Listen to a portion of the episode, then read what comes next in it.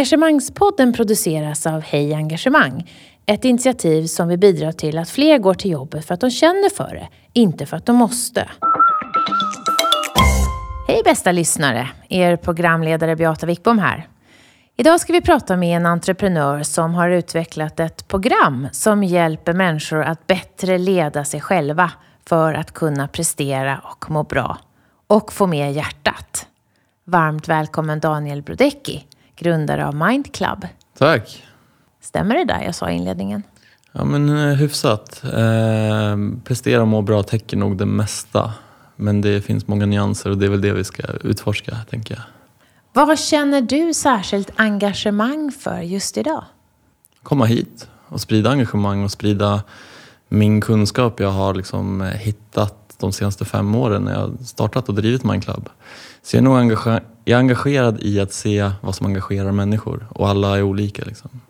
För din produkt är ju ett hjälpmedel så du är ju i ständig vidareutveckling av den där produkten om vi får kalla det för det också, eller hur? Mm, och jag skruvar och håller på och ser hur kan vi göra saker bättre och det är väl på gott och ont ibland att jag kan ibland inte stänga av hjärnan utan jag hela tiden tänker så här men Eh, den, det den här personen sa, så här, hur hade vi kunnat bemött det annorlunda? Eller vad var det egentligen den sa? Vad är det som ligger bakom? och så vidare. Så jag är så här, många dimensioner som jag gillar att titta på.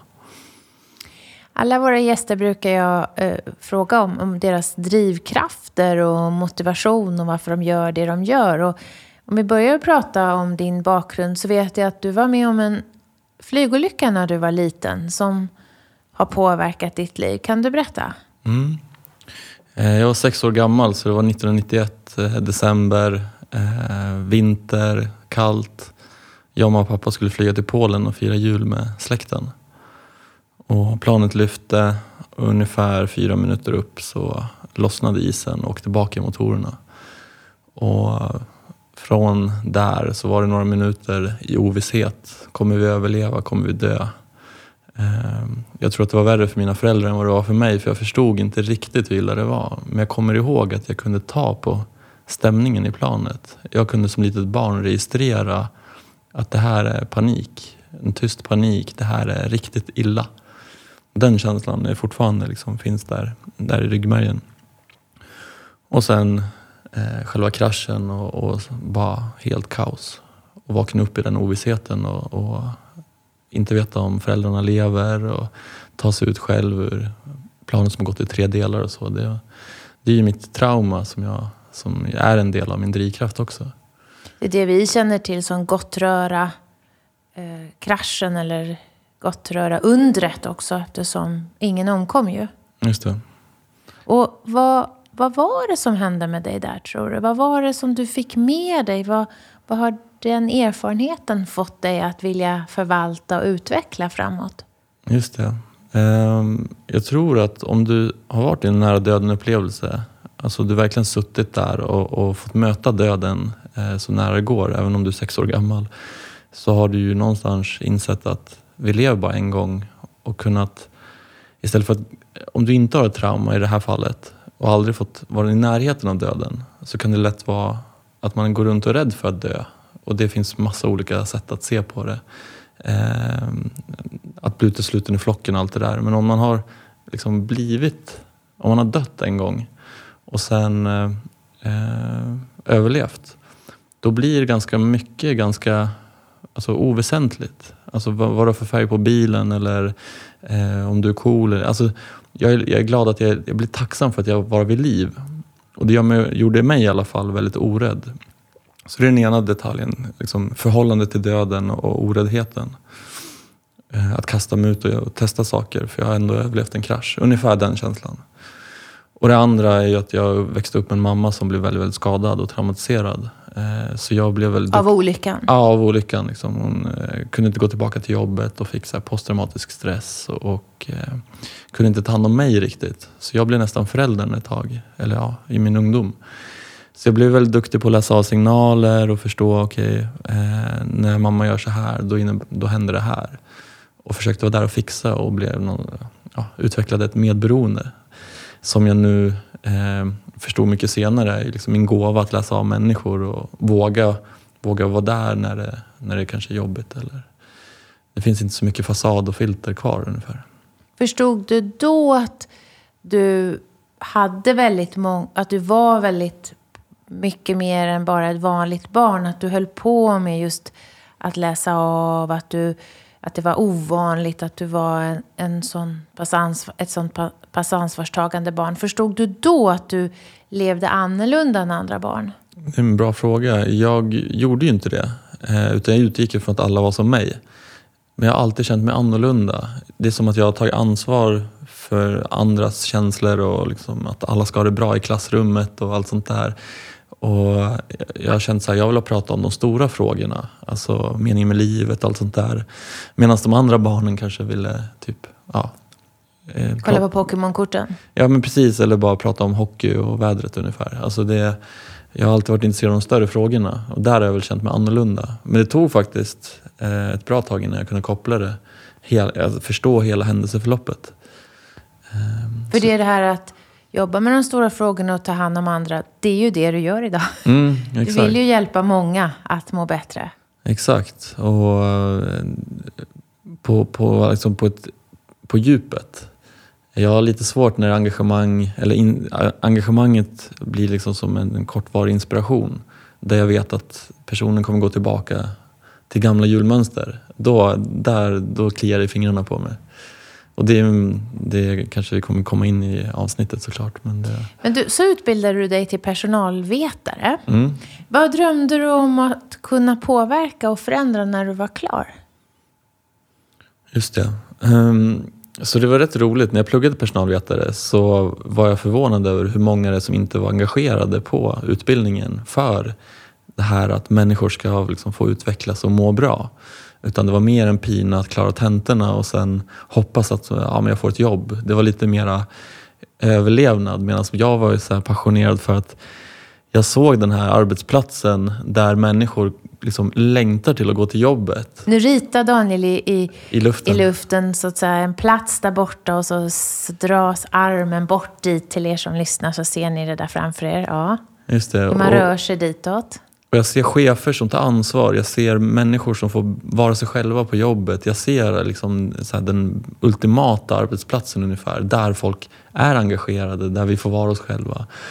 Och jag blev väldigt förvånad när det var som att jag kände att jag var den enda som såg den bilden nästan. Att mm, folk nog såg personalvetaryrket mer som ett jobb. Så det var, det var väl den skillnaden. Om bara, ja, vad vi Blev såg. du besviken på de andra? Det gjorde, alltså, jag gjorde var att jag istället började umgås med andra människor. Eh, likasinnade så att säga. Och då hamnade jag med massa psykologer, läkare, civilingenjörer. Så jag liksom hittade de mest drivna personerna på varje utbildning. Så istället för att nöta på med de som, vi inte, som jag inte pratar samma språk med så sökte jag mig till de ja, mest engagerade personerna på varje utbildning.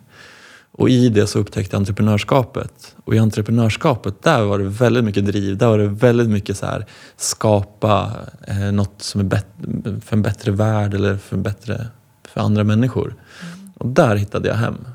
Så jag ser mig nog mer som en entreprenör än som en personalvetare om man bara ska sätta folk i fack.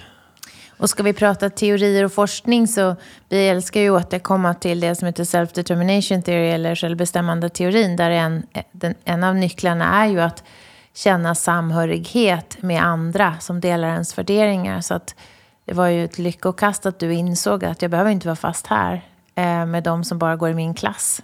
Mm. Jag kan söka mig till andra mm.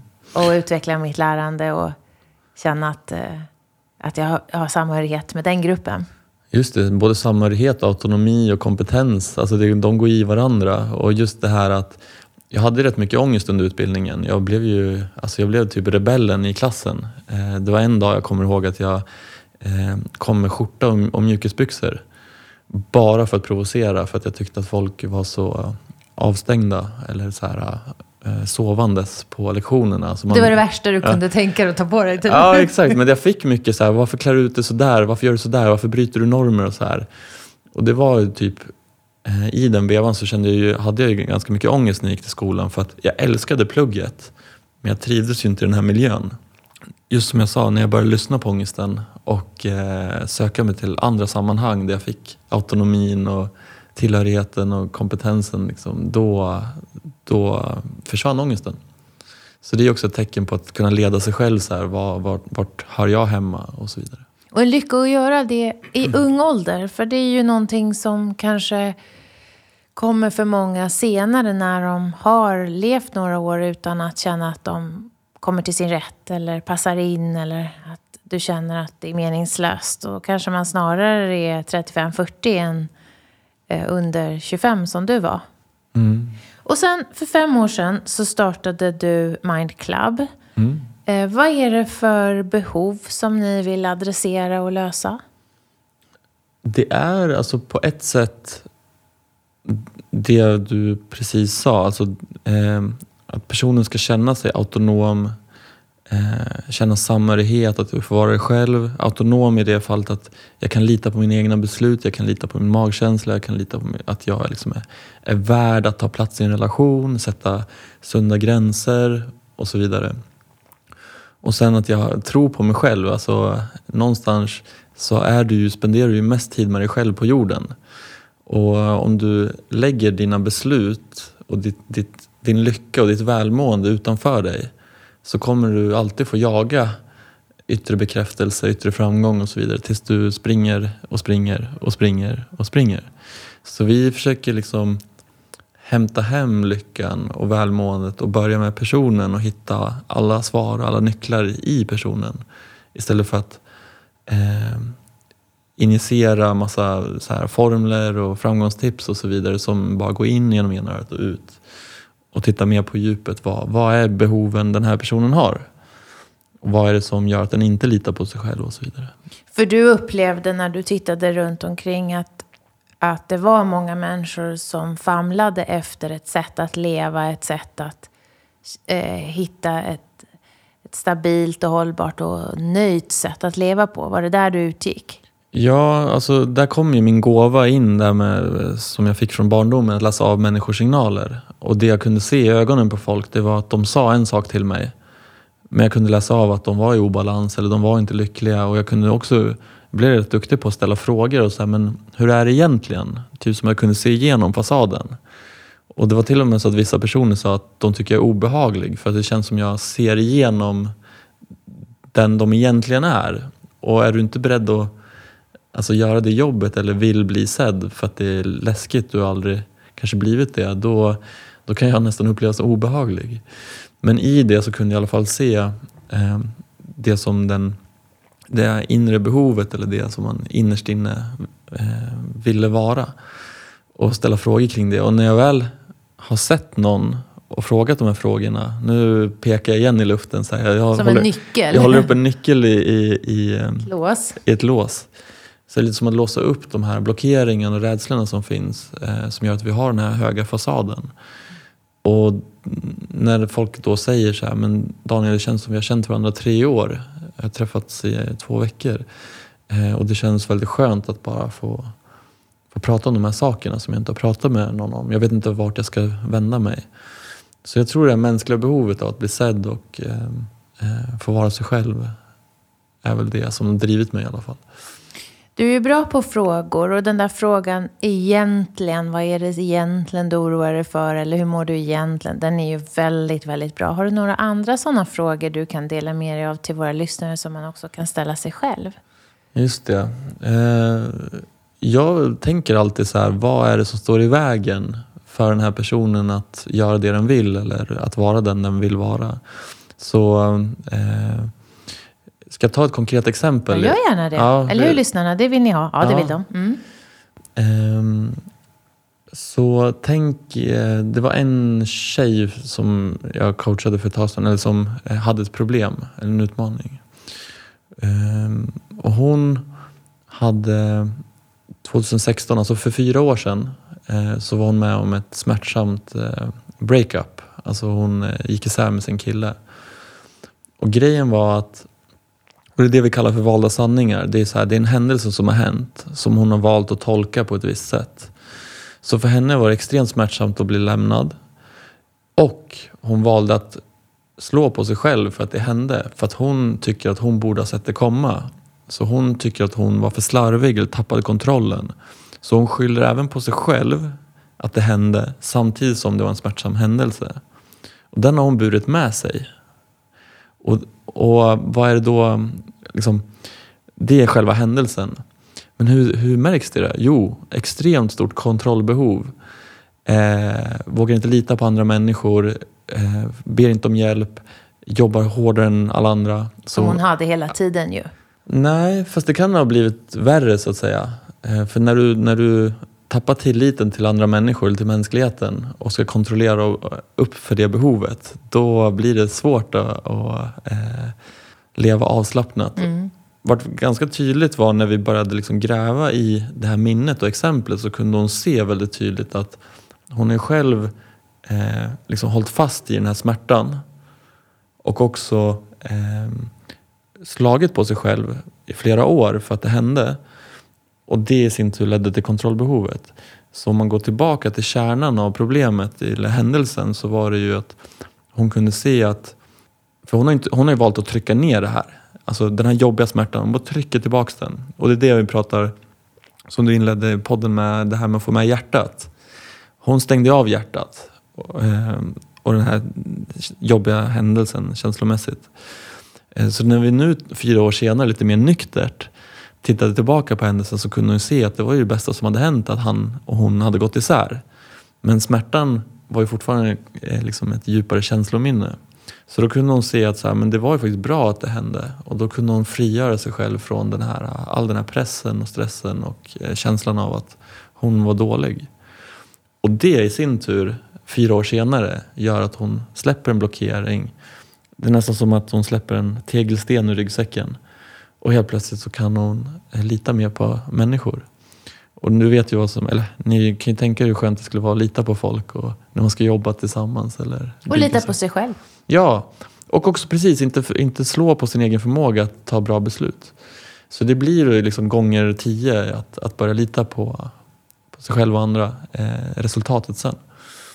Det som är kul att få träffa dig och prata om hur du har byggt Mindclub tycker jag också är att det är ett gigantiskt eh, område som du ser behöver göras något kring, nämligen människors mående och förmåga att, att eh, utvecklas och eh, bottna i sig själva och känna tillit till sig själva och andra. Det är ju, det är ju stora mänskliga utmaningar. Mm. Och så tänker du så här som entreprenör, men det kan man väl göra någonting åt? Mm. Och så börjar du och, och resonera med andra, antar jag också. Vad skulle du kunna göra? Om, om du tittar tillbaka på den där tiden för fem år sedan när ni började, vad minns du av hur, hur diskussionerna gick och vad du hade för möjliga spår då? Just det. Um, då var vi mer inne i så att det behövdes, eh, vad ska man säga, övningar och teori och allting skulle vara väldigt uppstyrt. Eh, att så här, så här, syftet med den här övningen eh, och det här är resultatet vi vill uppnå lite, så här, ja, men lite mer intellektuellt. Eh, och det som har liksom skett under de här fem åren det är att mindre och mindre syfte, mer och mer tillit till processen, mycket mer, eh, mitt enda, eller inte mitt enda syfte, men ett av mina största syften det är att jag bara ska skapa ett space, en plats, ett rum där människor får liksom hitta sina svar själva. Från att det fanns en process som skulle liksom ta dem från A till B så är det mer typ att jag har ingen aning om vart vi kommer hamna. Och jag har inte heller liksom svaren. Och det är så, det är så skönt. Och det är lite, alltså, tänk er om ni har ett kontrollbehov och inte veta vad vi ska göra. Dels för dig som deltagare men också för mig som ledare. Att kunna lita på att vi tillsammans kommer kunna hitta de svar som behövs. Så i början så var det mer att vi skulle förse svaren och nu är det mycket mer att svaren finns inom varje människa. Och jag lär mig någonting varje gång. Vi Men du är inne på ett område som jag tror många av våra lyssnare önskar att de hade, nämligen att de har tillit till sig själva. För du har ju väldigt stor tillit till att svaren kommer att eh, genereras i gruppen eller mellan dig och deltagarna. Varifrån kommer den där tilliten som du har till din egen förmåga? Ja, det här är skitroligt. Eh, det var det är det här med, jag är väldigt självreflekterande och otroligt nyfiken. Första två åren med Mindclub så var jag liksom, jag, jag fick bra resultat med deltagarna men jag var själv väldigt trött. Och så kände jag bara så här, nej men hallå, jag har valt frivilligt att göra det här, helt autonomt. Och jag är helt slut efter kurserna. Så här, vad är det som, vad är jag behöver liksom förändra? Och det jag kom på då, det var att jag själv ville så mycket så jag ville liksom att alla skulle få världens bästa upplevelse. Så jag började överleverera och jag kände inte helt tillit till att de skulle göra det de hade sagt på kurserna. Vilket gjorde att de kände av att jag inte kände tillit för dem. Vilket gjorde att de gick hem och kände sig dåliga. Jag gick hem och var trött. Kopplar du också bort det lite från dem, tillbaka till samhörighet? Att du kände ett ansvar att mer ge än att samskapa? Ja, det, det är det som... Ja, alltså mm. jag, jag ville så mycket. Jag ville för mycket. Jag var överengagerad, om man pratar engagemang här mm. i podden. Så det jag kom på där när jag satt ner, och återigen svaren finns inom oss, det var att det, det här kommer ju ner till tillit. Tillit till processen, tillit till att de klarar att göra jobbet. Och klarar de inte det så är de inte redo för det, så det spelar ingen roll. Så där och då så... Och då lär de sig något annat? Ja, och... Det är ju inte bortkastat. Nej, nej, nej. Och jag lär, lär mig mycket vad som händer. Så att kursen efter, så bara helt tillit till processen, tillit till deltagarna. Jag är bara där som ett verktyg. Jag gör bara det jag eh, ser och tror på. Och sen när de går hem så kommer de flyga själva. Så det var som en mamma som fick liksom släppa, eller pappa kanske det blir det. Mamma känns mer vård, vårdande. En förälder, jag känner som en förälder som släppte taget om sina barn ungefär. Och sen ska vi ju lägga till att du är ju en kunskapstörstande varelse, så du kan ju enormt mycket. Du har läst på väldigt mycket. Det är inte så att du är liksom fing, fingret i luften, jag lajar runt lite här med de, mina deltagare, utan du har ju enormt mycket research och mycket, mycket teori i ryggen. Men jag tänker att vi har några läsare, eller säga, några lyssnare nu som, som säger så här, tänker att men lite ordning och struktur. Vad är det här konceptet Mind Club som undrar vad programmet eller processen är? Kan du kort eh, köra säljpitchen så de förstår vad vi pratar om? Just det, eh, utan att avslöja för mycket. Men det vi gör är ju olika övningar, Eh, väldigt upplevelsebaserat, som gör att det väcker olika känslor i oss. Eh, vissa har vi gömt eh, undan för vi tycker det är obehagligt. Eh, och så är vi väldigt noga med att putsa på fasaden. Vi har väldigt finputsade fasader, men vad finns det bakom fasaden? Och genom att göra olika övningar där du inte kan ha, kontrollera vad som händer, för ingen vet ju vad som ska hända. Eller jag vet ju ungefär vad som ska hända, men jag vet ju inte vad som kommer hända i personen. Eh, så vad som än kommer upp så blir det information. Och med den informationen så kan vi sen liksom få insikter om oss själva. Bara shit, jag är dålig på att lyssna. Eller jag...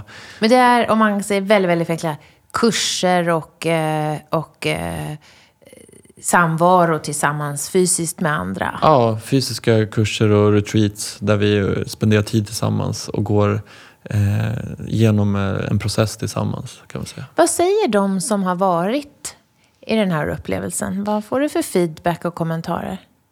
Ja, nu, nu är jag ju partisk här, men, men eh, mycket Många har ju gått i, i, hos psykolog eller coach eller terapi eh, och de brukar säga att två dagar på Mindclub känns som ett års terapi ungefär.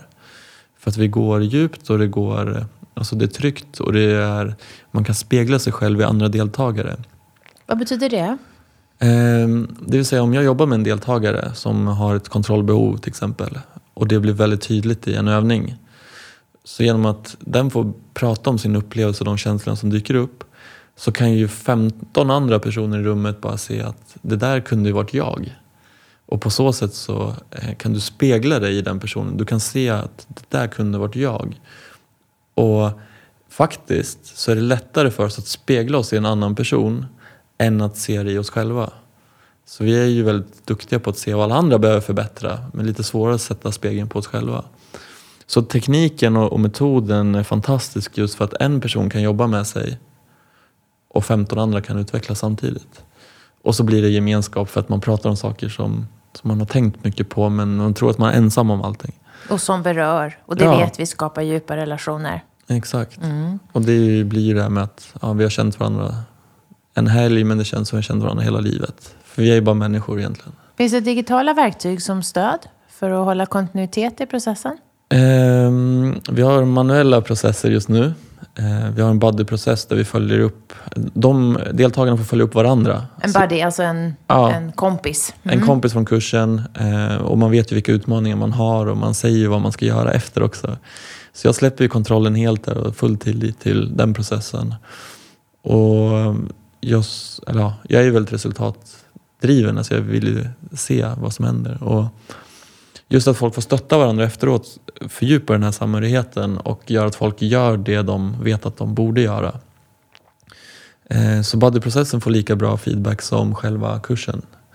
Sen eh, när vi jobbar med företag då eh, håller vi på att ta fram digitala verktyg för att förlänga effekterna mellan gångerna vi kör workshops. Mm. För du har ju börjat jobba med företag. Hur, hur upplever du att situationen ser ut på svenska arbetsplatser vad det gäller den mentala hälsan och välmåendet? Alltså, det är intressant. Det är väldigt olika mellan varje företag. Eh, feedbacken jag får är väl att i och med att vi kör väldigt mycket upplevelsebaserade saker så är det ju folk som är väldigt vana med eh, den här klassiska eh, ledarskapsutvecklingen där man sitter i en klass, ett klassrum och lär sig ledarskap. Medan vi, vi, tar bort, alltså vi tar bort allt vad eh, skor och eh, stolar och bord heter. Och så gör vi- Skor? Ja. ja. Ja men alltså man får typ eh, komma hem till vardagsrummet, kanske sitta på golvet. Alltså, eh, Bryter mönster? vi bryter mönster. Bryta Mm. mönster är liksom genomgående. Och när jag gör det på företag, alltså det är, det är inte jätteavancerade övningar, men man ser i ögonen på folk att oj, kan man göra så här? Får jag göra så här? Vad som- känner du då? jag blir lite så här... eh, För mig, jag lever ju det här, för mig blir det nästan en chock ibland hur folk är så rädda för att eh, göra fel. Eh, eller att få, vad ska jag säga, bryta sina mönster. Alltså att vi, vi är så trygga och bekväma eh, så jag blir förvånad. Jag blir på riktigt förvånad och lite så här, eh, inte sorgsen men, men oj, här behövs det verkligen en, eh, en insats. Och vad händer med en sån grupp efteråt? Vet du det? Ja, alltså jag pratar med, med beställarna alltid, följer upp och, och, så, och tar emot feedback. Jag tycker det är eh, superintressant. Och då säger de just att det här var precis det vi behövde. Och det är ofta för att För förlåt, blir, Ja. vad har de önskat då? Vad har de köpt av dig? Vad heter det de tror att de ska få vara med om? Det som, om jag kokar ner allt vi gör så handlar det om att eh, skapa tillit i gruppen. Genom att göra saker som är obekväma eller leva i ovisshet. För jag säger ju det, det finns inga syften på Mindclub. Alltså ni får aldrig veta vad vi ska göra utan ni ska bara göra det. Men de vill öka tilliten i gruppen. Så Exakt. heter det när de ringer dig. Exakt. Så tillit i gruppen och bryta mönster är ju verktyget. Och eh, efter när vi har gjort det så säger de liksom så här, men oj. ehm, det känns som vi är mer samspelta, vi kommunicerar bättre, vi vågar eh, säga vad vi tycker och eh, det, det, får vara lite, det kan få vara lite obekvämt och det kan vara bra. Vi tippar inte på tårna. Sådana saker dyker ofta upp. Det är, mycket, alltså det är ju stort. Jag tycker det och jag tycker det är häftigt när, när de... Jag brukar ofta säga till kunden så här, men boka, boka inte upp något efteråt. Ta en middag eller någonting. Gör någonting som ni brukar göra. Och så ser jag ofta kunden så här, ja, den här AWn eller middagen, det var liksom en helt ny nivå samtal. Det är som att vi öppnar upp oss och lär känna varandra så att det inte bara blir att vi går till jobbet och är robotar och går hem utan det blir det, blir det här mänskliga, mänskliga mötet som vi egentligen alla längtar efter. Att bli sedda och få, få utmana oss själva. Du höll ju på ganska mycket själv när du utformade ditt företag eller hela Mind Club. Och hur, kan du berätta mer? För det är säkert många som, sitt, som lyssnar som också är liksom Kanske håller de på att lämna något för att bygga något nytt eller de är mitt i en entreprenörsresa. Hur höll du dig motiverad och hur, hur byggde du den här kunskapen som du har i botten av, av den tjänst som du nu jobbar med? Jag är eh, väldigt imponerad av hur mycket koll du har på min resa med Mindclub. Eh, och det, det har ju varit dagar när det har varit så här, vad håller jag på med? Ska jag fortsätta? Eh, dagar det har varit motgång och jag hade önskat att jag hade haft ett team med massa folk runt om mig. Eh, och det är ju kanske tjatigt men det är så här, varför, hitta sitt varför. Och mitt varför var ju tydligt så här, jag kunde se bilder i huvudet på människor som går till jobbet ganska grådaskiga och kommer ut jobbet och är väldigt gul, alltså inte gula så, men fulla av energi och engagerade. Eh, känner, sig, liksom, känner sig sedda och, och eh, glada. Och den bilden har alltid, har alltid legat som grund för vad Mindclub ska åstadkomma och vad jag tror på. Eh, så den bilden har alltid varit skön att komma tillbaka till när det har varit lite jobbigt. Och um, vi går in mera på sådär det ni jobbar med, med att bryta mönster, just som du är inne på. Mm. Att det är en sak som vi behöver göra för att öppna upp också energi och blockeringar och bortom våra valda sanningar. Du gav det här exemplet med eh, kvinnan som hade varit starkt, haft ett starkt kontrollbehov. Hur, hur gör man för att bryta mönster och hur gör man för att den förändringen ska vara varaktig? Krasst gör någonting du aldrig har gjort och se vad som händer. Um, och vi designar ju övningar som är sjukt roliga. Jag hade gärna berättat för samtidigt så då försvinner lite magin i, i det som händer. Det här lilla överraskningsmomentet ja, överras som finns. Mm. Överraskningsmomentet. Um, när du inte vet vad som ska hända. För när du inte vet vad som ska hända då kan du inte förbereda dig. Um, så att, åh, jag vet inte vad jag ska säga riktigt men när, när du gör någonting utan att vara förberedd då kommer du oftast i kontakt med hjärtat. Alltså hjärtat som är mera, vad ska jag säga, i nuet. Den, den delen av dig som, som är lite mer spontan och, och eh, hela dig kanske. Mm. Och när vi gör saker där du inte kan förbereda dig, då kommer mer av det fram. Eh, och det är väl det som eh, bryter mönstret, är att mindre tid för förberedelser och mer göra i nuet. Jag tänker att, att börja på en arbetsplats med, vi tar ett möte som är en, ett format som många jobbar med. Låta olika personer leda mötet.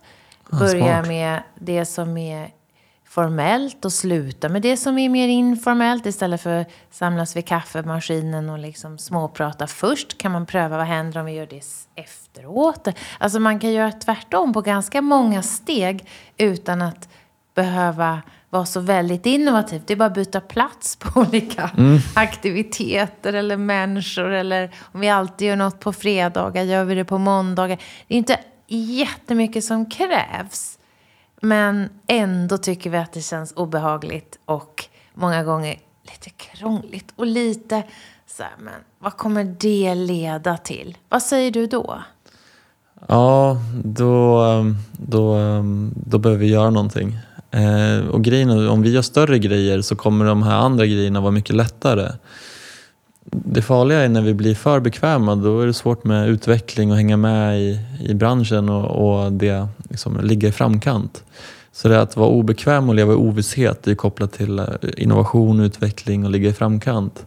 Så att om du kan göra obekväma saker eh, med dina kollegor eller på jobbet eller något ständigt så kommer det hela tiden göra att du ligger lite mera i framkant. Skulle Tror jag säga. du van vid det? Exakt. Mm. Ja, det är som att gå till gymmet. Ehm, går du inte till gymmet så är det inte jättekul att gå dit och springa en tisdagkväll. Men är du där tre gånger i veckan då liksom längtar ju kroppen efter att gå dit. Så det är ju samma muskler, samma tänk fast mentalt. Så vänja hjärnan vid förändring? Och ja, vänja ja, exakt. hjärtat vid exakt. förändring? Ja. Och det är det som är mindset. Liksom, att så här, ja, men, okej, nu kommer en sån här jobbig sak igen som jag på autopilot tycker det är jobbigt. Men jag har gjort det här förut eller jag så här, är mycket mer nyfiken och öppen. Ja, men då tar vi oss igenom det istället för det här motståndet som äter upp oss. Och jag tänker också på att i vissa yrken övar du.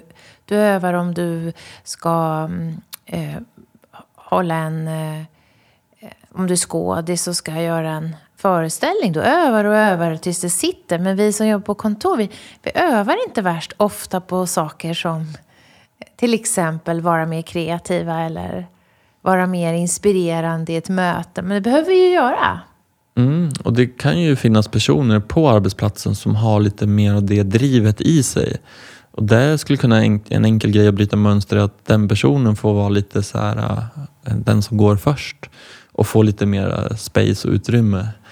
Jag kommer faktiskt ihåg en, en tjej som vi jobbade med på Mindclub som blev rejält utbränd. Hon var 25 när hon blev headhuntad som trainee på ett IT-bolag. Och hon blev headhuntad just för att vara kreativ och innovativ och så vidare. Av en ledning med väldigt mycket äldre personer och lite mera män. Eh, och vad hände? Jo, hon drev ju på förändring och kom med massa förslag och jobbade väldigt, väldigt hårt och ambitiöst. Men fick ju bara motstånd. Så hon fick ju inte göra sitt jobb vilket gjorde att hon jobbade på ännu hårdare tills hon till sist stupade in i väggen. Och det är väl liksom en sån här historia som ligger mig varmt om hjärtat. Att hur kan vi ta tillvara på de krafterna som finns i bolaget? Och jag säger inte att alla ska vara superinnovativa men om du tittar och rannsakar dig själv. Så här, det finns säkert någon i gruppen som har en talang som, som kan driva det här utan att det blir att måste ta in Mindclub varje gång det kommer. Utan släppa dem fria mer. Släppa mer mm. de krafterna som finns i bolaget fria. Och det är rätt häftigt när jag jobbar med bolag för då ser jag oftast två, tre stycken i varje grupp. Som jag ser verkligen börja skina och blomstra. Lite som att hälla vatten på en blomma ungefär. Och det är så här, säger jag ofta till beställarna att de tre ska du ha koll på. Ge dem lite extra så kommer det, de blomma och ni kommer blomma ännu mer. Mm. Vi, vi gör ju ibland i Sverige skillnad på privat och jobb i det att på jobbet behöver vi inte prata så mycket om känslor. Det är kanske inte är så jätteviktigt att vi liksom säger hur, hur mår jag i hjärtat. Vi, vi, vi tror att man kan skilja dem på, åt. Men man tar en av mina favoritexperter, Ester Perell, som är en relationskurs, så säger hon vi tar med oss vårt emotionella bagage till jobbet. Och det är jätteviktigt att förstå att vi är samma person. Och på Mindclub får man ju lära sig hur man smartast nyttjar hjärnans möjligheter och begränsningar utan att köra över sitt hjärta och sina känslor. Eh, kan du berätta lite mer för de som kanske känner så här, men nu börjar det bli bra flummigt det här. Alltså, man kan väl ändå bara vara professionell och ta sig samman. Varför är det så viktigt att ha med hjärtat och gå på djupet med vem man egentligen är, även på jobbet? Mm, alltså jag är fortfarande så mån om att vi håller oss professionella. Alltså det ska inte vara eh, hela livshistorien och så vidare. Men att förstå att vi är olika och förstå våra behov och så vidare. Och om man tittar på många som kommer till Mindclub har oftast en väldigt stark fasad. En upparbetad fasad eh, av att vara duktig, eh, göra rätt för sig, inte göra bort sig och allt det där. Och att hålla uppe den fasaden tar mycket energi. Så mitt mål är inte liksom att du ska öppna upp dig och flumma runt och, och bli eh, supertransparent på jobbet. Men däremot att få släppa på fasaden och eh, den här eh, energin som det tar att hålla upp den. Och det är väl det jag eh, ser och jag tror att många kan känna igen sig det här att alltid vara glad, alltid vara på topp det gör ju att andra känner sig pressade att alltid vara glada, alltid vara på topp. Och den här pressen att leverera 100 procent som vi, många lägger på sig själva, som i sin tur gör att andra börjar pressa sig själva. Så hela den här äh, att vi skapar en miljö som är giftig, jag brukar kalla toxic environment. Ehm, att vi pressar varandra och det är flera gånger jag har frågat sig, men såg ni inte att det här var på väg att hända? Jo, nu när du säger det. Ja, men så här, varför gjorde du ingenting då? Nej, men vad får jag säga? Får jag fråga hur den mår?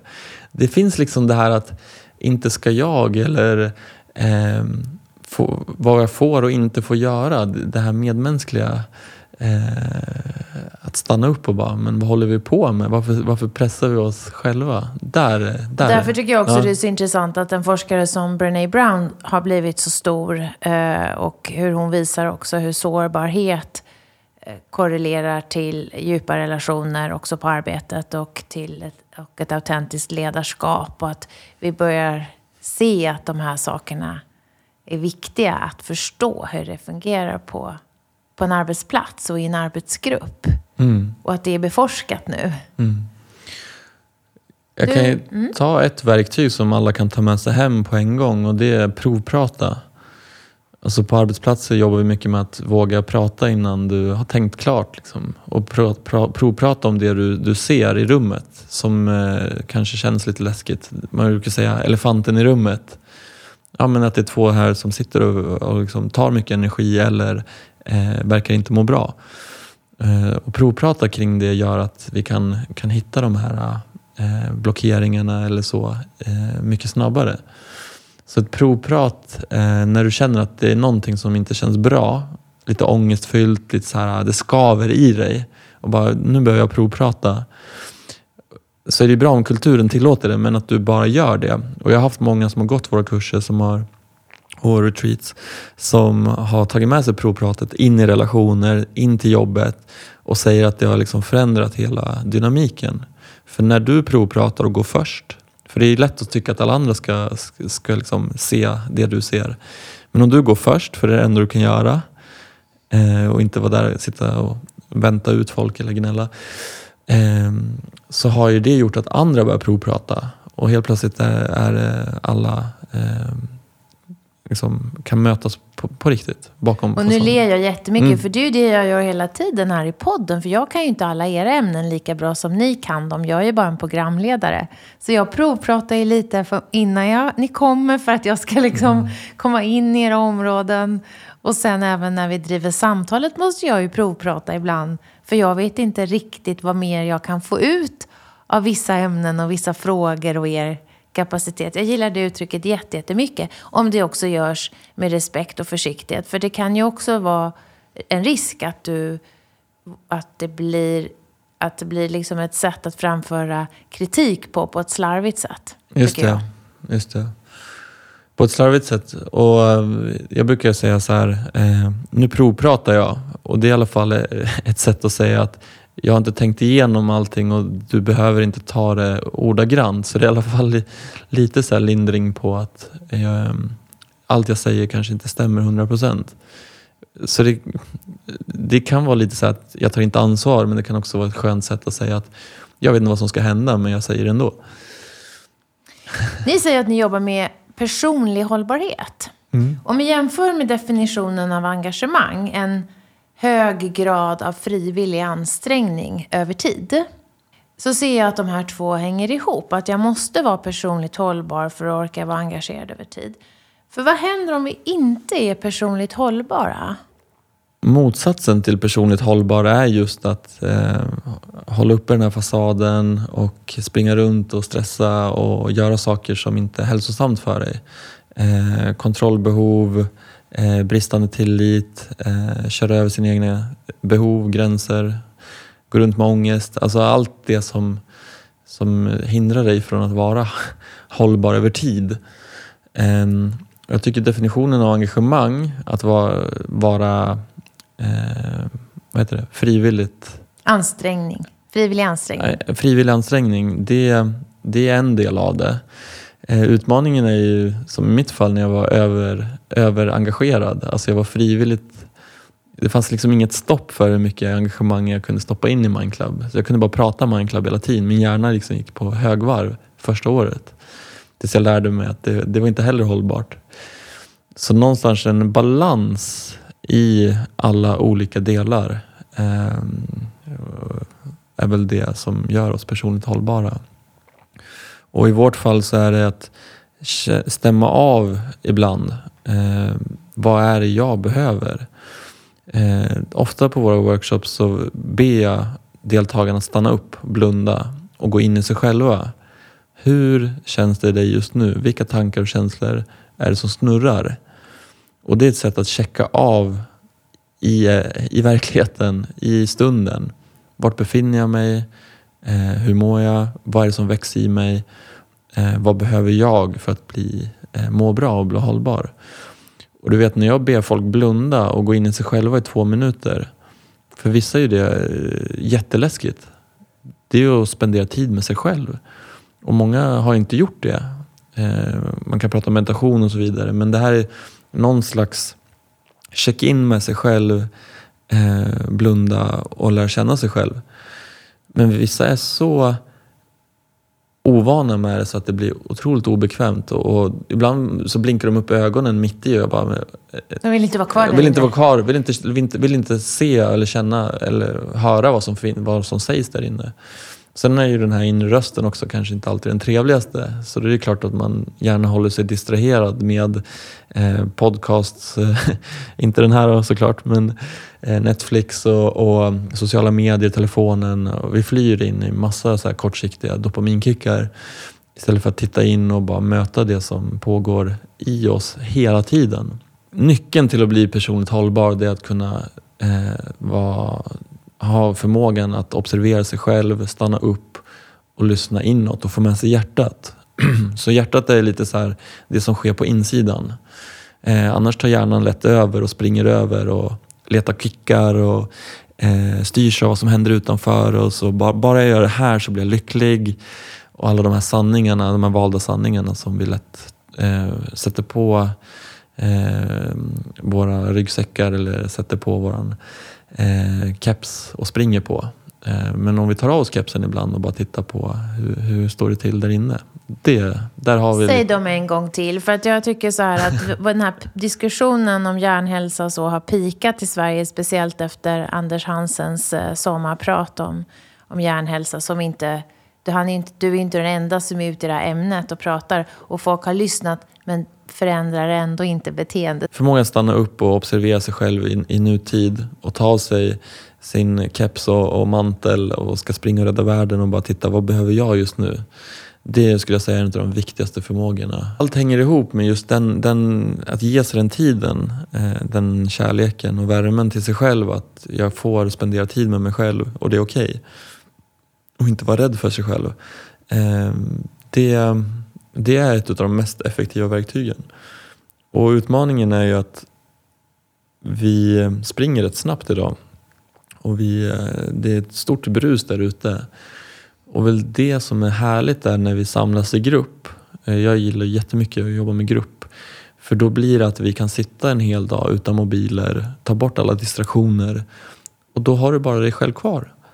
Och det, I och med att alla i gruppen tittar i sig själva gräver i sig själva liksom, så här, och är nyfikna. Liksom. En, alla lämnar in bilen på service tillsammans. Så kan, eh, så kan det bli väldigt kul. Och Det som är så kul är ju att det, det är typ det billigaste man kan göra är ju att gräva lite i sig själv. Mm. Man har alltid med sig sig själv och mm. det tar aldrig slut. Det är ju en resa som du kan hålla på med i 50 år till. Mm. Så att om du övar upp det intresset, då har du alltid något att göra. Jag har ett exempel på vad det kan kosta att inte göra det. Eh, jag gillar exempel. Eh, men det var en kille som kom till oss som eh, dejtat väldigt mycket tjejer och så fort det blev seriöst då blev han rädd och stack vidare.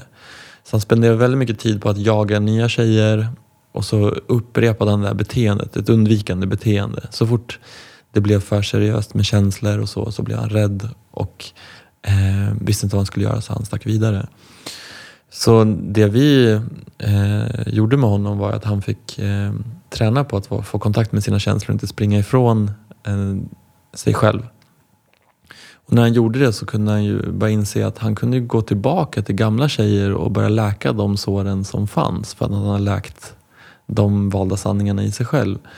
Så istället för att spendera så mycket pengar, tid och engagemang på fel saker, om man får säga så, så kunde han gå tillbaka och läka det, de, det som hade varit. Och nu är han i en, eh, liksom en hållbar relation. Ehm, och det hjälpte bara genom att gräva lite i vad det var som gjorde att han hela tiden sprang därifrån. Så det hela, syn på det. Ja, mm. så det kostar rätt mycket att inte gräva i sig själv kan jag tycka. Vi lever ju i en tid när människor bokstavligen jobbar ihjäl sig. Jag tänker på till exempel Avicii. Som många av oss eh, älskade och som dog väldigt ung. Och, då, och vissa yrken, till exempel advokater, där det anses fint att bokstavligen somna under skrivbordet. Om du verkligen kunde påverka synen på arbete i stort, vad skulle du börja då? Jag skulle börja med att alla ni som lyssnar just nu, för vem jobbar du? För vems skull och varför? Och börja liksom gräva lite i dig själv. Alltså, för vem gör du det? För vem är det coolt att sitta och jobba tills du somnar under skrivbordet? Är det för att få bekräftelse? Det är helt, det är helt okej okay om det är det. Men för vem gör du det? Är det för att... Um... Att kunna svara på den frågan? Ja. Eh, för om vi börjar ställa den frågan till oss själva och gånger alla tusentals personer som lyssnar på det här avsnittet så kan du, kan du faktiskt göra en förändring. Eh, för att om du börjar ställa den här frågan till dig själv och börjar inse att men jag kanske ska gå hem tidigare på en fredag och vara med min familj eller vad det är. Då kommer det påverka andra och det är liksom den här spin-off effekten som jag tycker är så häftig. För vi människor gör inte som andra säger, vi gör som andra gör. Exakt. Om du, det är sista frågan som jag alltid har. Mm. Om du var engagemangsminister för en dag och hade ett departement som jobbade med att höja engagemanget i Sverige. Vad skulle du jobba med då? Oj. Eh, jag tror att vi människor är gjorda för att leva i, i liksom, tillsammans. Eh, och känna oss delaktiga och känna tillit till varandra och hjälpas åt. Det jag ser Ehm, Ehm, just nu är att vi är väldigt självständiga och ska springa runt och förverkliga oss och vi är lite ensamma. Så jag hade jobbat med att skapa evenemang eller tillfällen där vi behöver samarbeta. Eh, hade, tror jag hade höjt, höjt engagemanget för det finns många krafter och bra människor där ute som, som eh, är ganska ensamma. Och det finns så mycket potential som, som jag skulle vilja frigöra genom ytor där vi möts, ytor där vi samarbetar och känner oss delaktiga. Tack Daniel Brodecki för att du var med i podden. Tack alla ni som lyssnar. Vi hoppas att det här var värdefullt för er. Skicka gärna feedback till Daniel på Mindclub eller prova något av hans program. Så hörs vi i nästa avsnitt. Hej då! Hej då! Vi hoppas att vi har väckt tankar om hur du kan bidra till ett mer engagerat Sverige. På hejengagemang.se kan du hitta mer inspiration och tips kring hur du som individ, ledare och organisation kan jobba för att skapa ett ökat engagemang, välbefinnande och nya resultat. Tack för att du har lyssnat!